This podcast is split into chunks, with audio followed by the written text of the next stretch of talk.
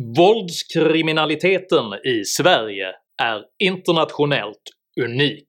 En våldsspiral som placerar Sverige i topp i Europa. Men först så ska vi ta en titt på den här sommarens dystra siffror vad gäller skjutningar. Det är sorgligt, eh, bedrövligt att, att det här landet skulle inte behövt hamna i det här.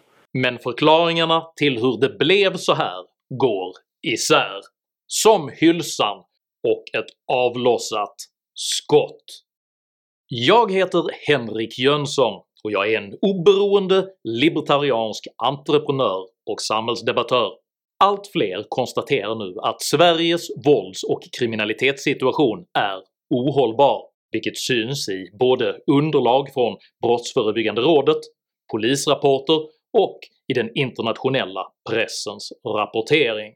Men vilka är egentligen de socioekonomiska faktorer som framhålls vara förklaringen till Sveriges unika situation. Varför är oviljan så stor att även inkludera andra orsakssamband? Och vad händer med ett samhälle som på ideologisk grund undviker besvärande fakta? Dessa frågor tar jag upp i veckans video.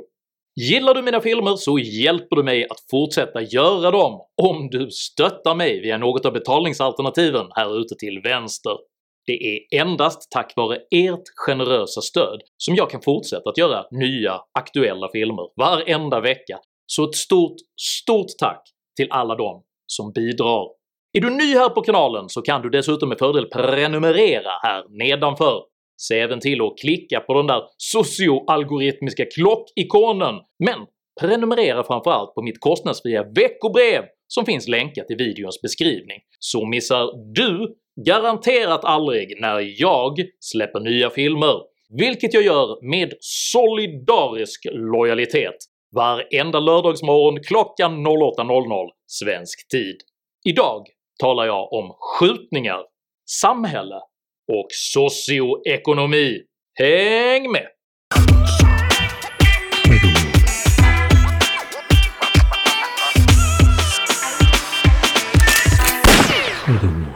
socioekonomiska faktorerna. De socioekonomiska skillnaderna. Socioekonomiska faktorer. Socioekonomiska faktorerna. Så här låter det ofta i den svenska debatten när olika typer av samhällsproblem ska diskuteras. Men vad betyder egentligen socioekonomiska faktorer. Och varför har detta begrepp fått en så framskjuten position i den svenska debatten?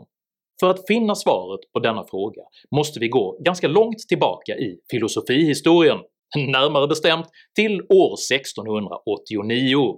Detta år publicerade nämligen upplysningsfilosofen John Locke sin banbrytande essä “Essay concerning human understanding”. Locke opponerade sig i denna text mot synen på människan som antingen god eller ond genom att fastslå henne bara “ingedera”. Locke menade istället att människan var som en skrivtavla utan skrift, en tabula rasa. Detta oskrivna blad fylldes sedan med innehåll genom människans upplevelser i världen, vilka sedan formade hennes varelse detta ställningstagande var banbrytande och gav i förlängningen upphov till de två idéströmningar som än idag dominerar den västerländska kulturen – liberalism och socialism. Både liberalismen och socialismen delade Lockes syn på människans formbarhet, men drog över tid helt olika slutsatser av denna. Liberalismen blev individualistisk och försvarade den enskildes rätt att forma sig själv, medan socialismen blev kollektivistisk och försvarade samhällets plikt att forma människan på ett önskvärt sätt. Socialisternas övertygelse att människans beteende är en konsekvens av hur staten fostrat henne anammades även av den svenska socialdemokratin som under 1900-talet bedrev flera storskaliga projekt med ambitionen att framfostra den ideala samhällsmedborgaren.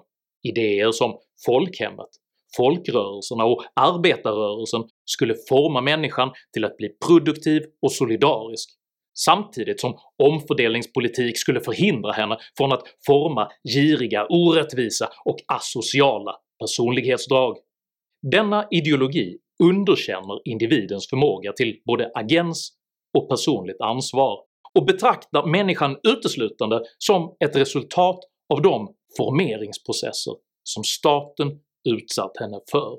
Om en individ blir väldigt, väldigt framgångsrik så betraktas detta som ett resultat av orättvisa privilegier. Om en individ blir kriminell, våldsam eller asocial så betraktas detta som ett resultat av orättvisa förutsättningar. Det är denna instrumentella syn på människan som uttrycks genom förklaringsmodellen socioekonomiska faktorer.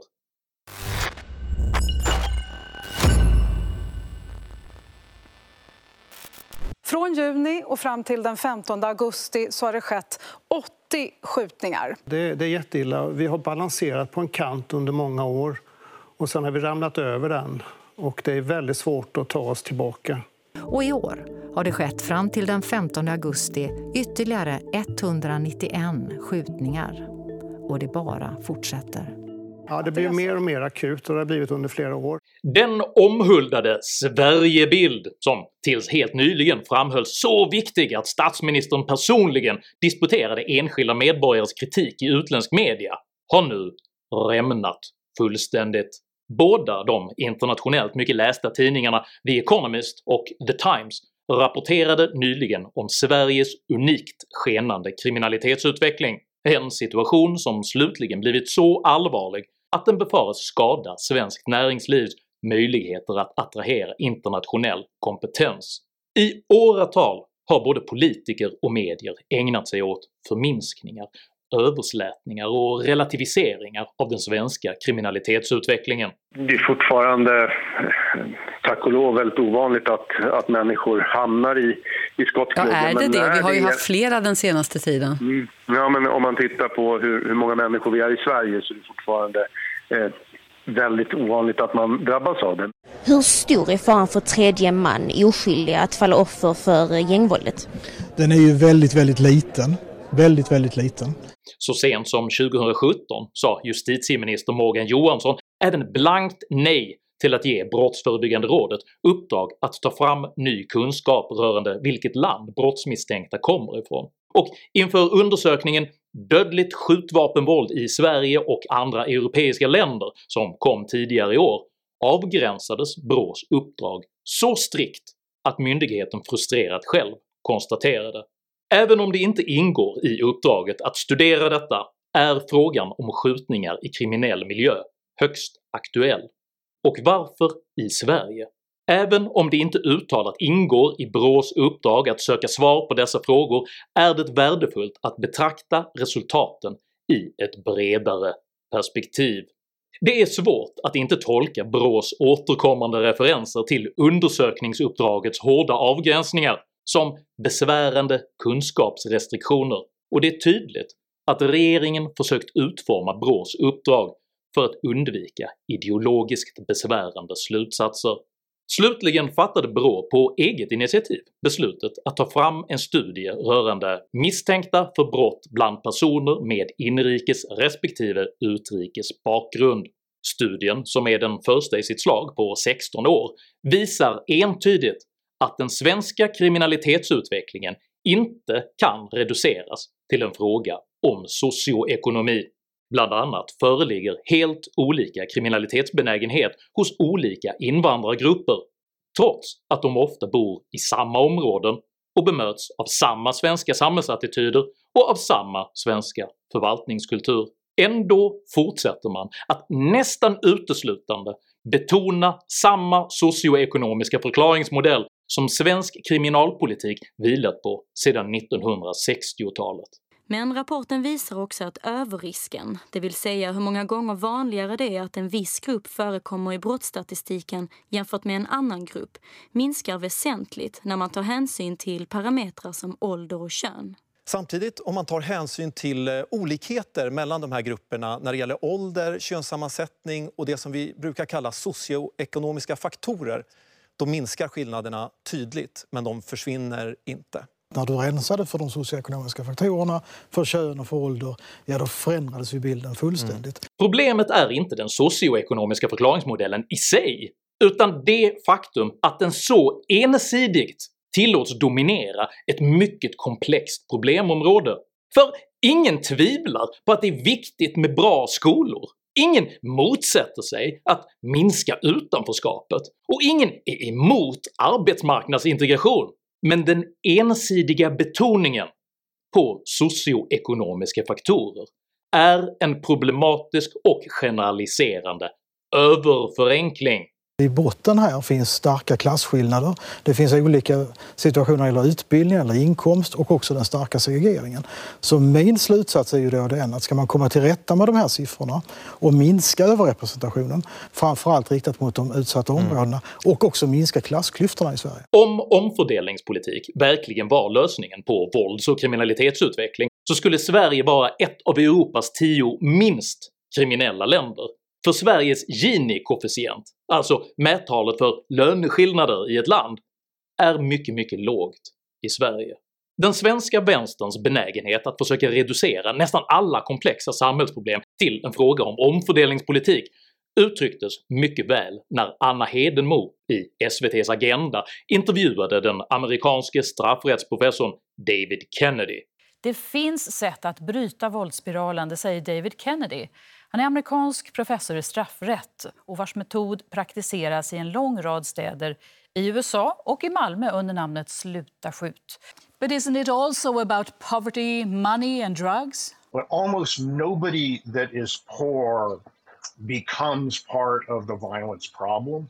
Almost all of the violence has nothing to do with the drug trade or the black market or their illicit economic activity the, the connection to, to money and money making is dramatically smaller than people think it is. The mistake that it looks like we've made for all these years is to think that the violence is always about something else.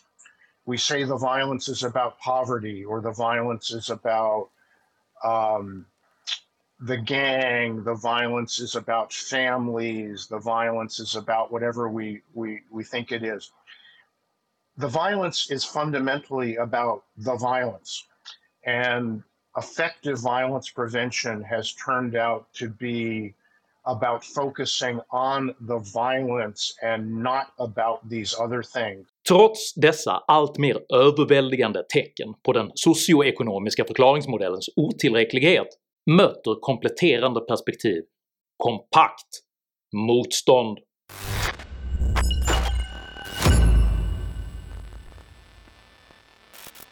Istället för att pragmatiskt studera variabler bortom de socioekonomiska förklaringsmodellerna har Sverige utvecklat en tystnadskultur där oönskade vittnesmål tonas ner, slätas över och viftas bort.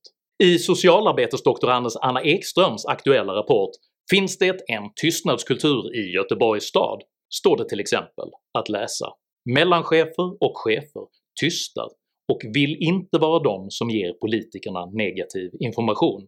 Om man vill göra karriär så ska man inte berätta hur illa det är.” Istället för att ta folks upplevelser av kriminaliteten på allvar får vi undermineringar och personangrepp Flera av de som jag har pratat med eh, menar att det är svårt att lyfta de här frågorna. Dels för att eh, situationer som uppkommer kan handla om att en chef säger att ja, men lite får man tåla. Eh, det behöver inte heller vara en chef, det kan vara andra medarbetare. Jag tror också att normaliseringen av de här situationerna eh, har gjort att ehm, det har förskjutits, eh, barriären, så att säga, nivån av vad man tar upp och vad man anmäler, vad man bör tåla. När jag själv skrev om ett inbrottsförsök i vår privatbostad efter vilket polisen rådde mig att inte bo i Malmö så reagerade lokaltidningen Sydsvenskan med en ledartext på följande tema. En enskild polismans förflugna kommentar. Inte mycket att fästa vikt vid kan tyckas, men nu hör det till saken att texten publicerades på Svenska Dagbladets ledarsida och på onsdagen refererades på Göteborgs-Postens ledarsida. Uppenbart är schablonbilden av landets tredje största stad så spridd att faktakollen har fått stryka på foten. Istället för att studera hur exempelvis sociokulturella faktorer migrationsbenägenhetsselektering och pullfaktorer skulle kunna komplettera de socioekonomiska faktorerna så får vi politiska misstänkliggöranden. När GTs reporter Mikael Syrén i förra veckan granskade Sveriges rekordhöga långtidsarbetslöshet, vilken kostar skattebetalarna ungefär 30 miljarder kronor årligen, kontaktades han av arbetsmarknadsministerns pressekreterare med budskapet att tidningen flörtar med SD. När reportern frågar om åsikterna är ministerns egna vänder Max Ney plötsligt och meddelar att han inte har läst reportaget, och att han inte längre tycker som han skrev. Det är på sin plats att fråga sig var alla de som oroar sig över Sveriges demokrati och pressfrihet håller hus när denna typ av påtryckningar sker inför öppna ridåer.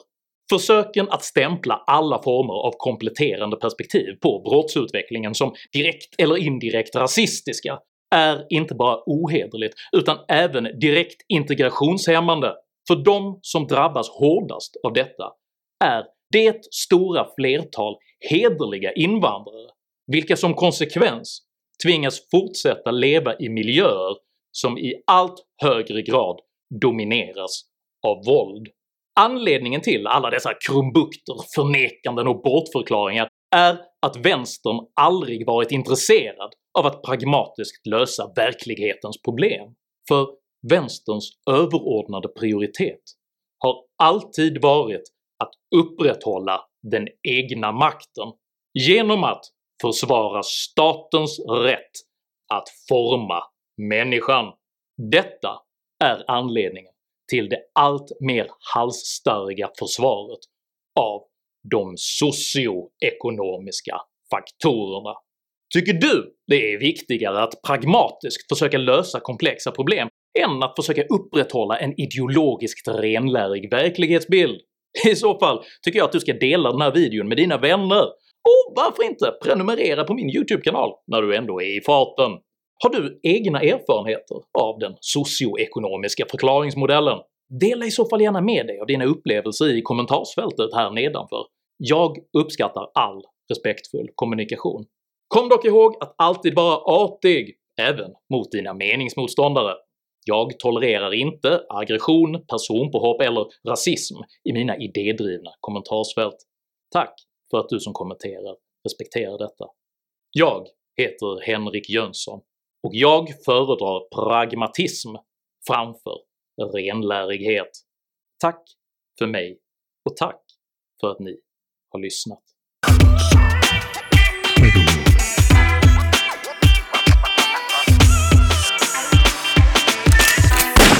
the war.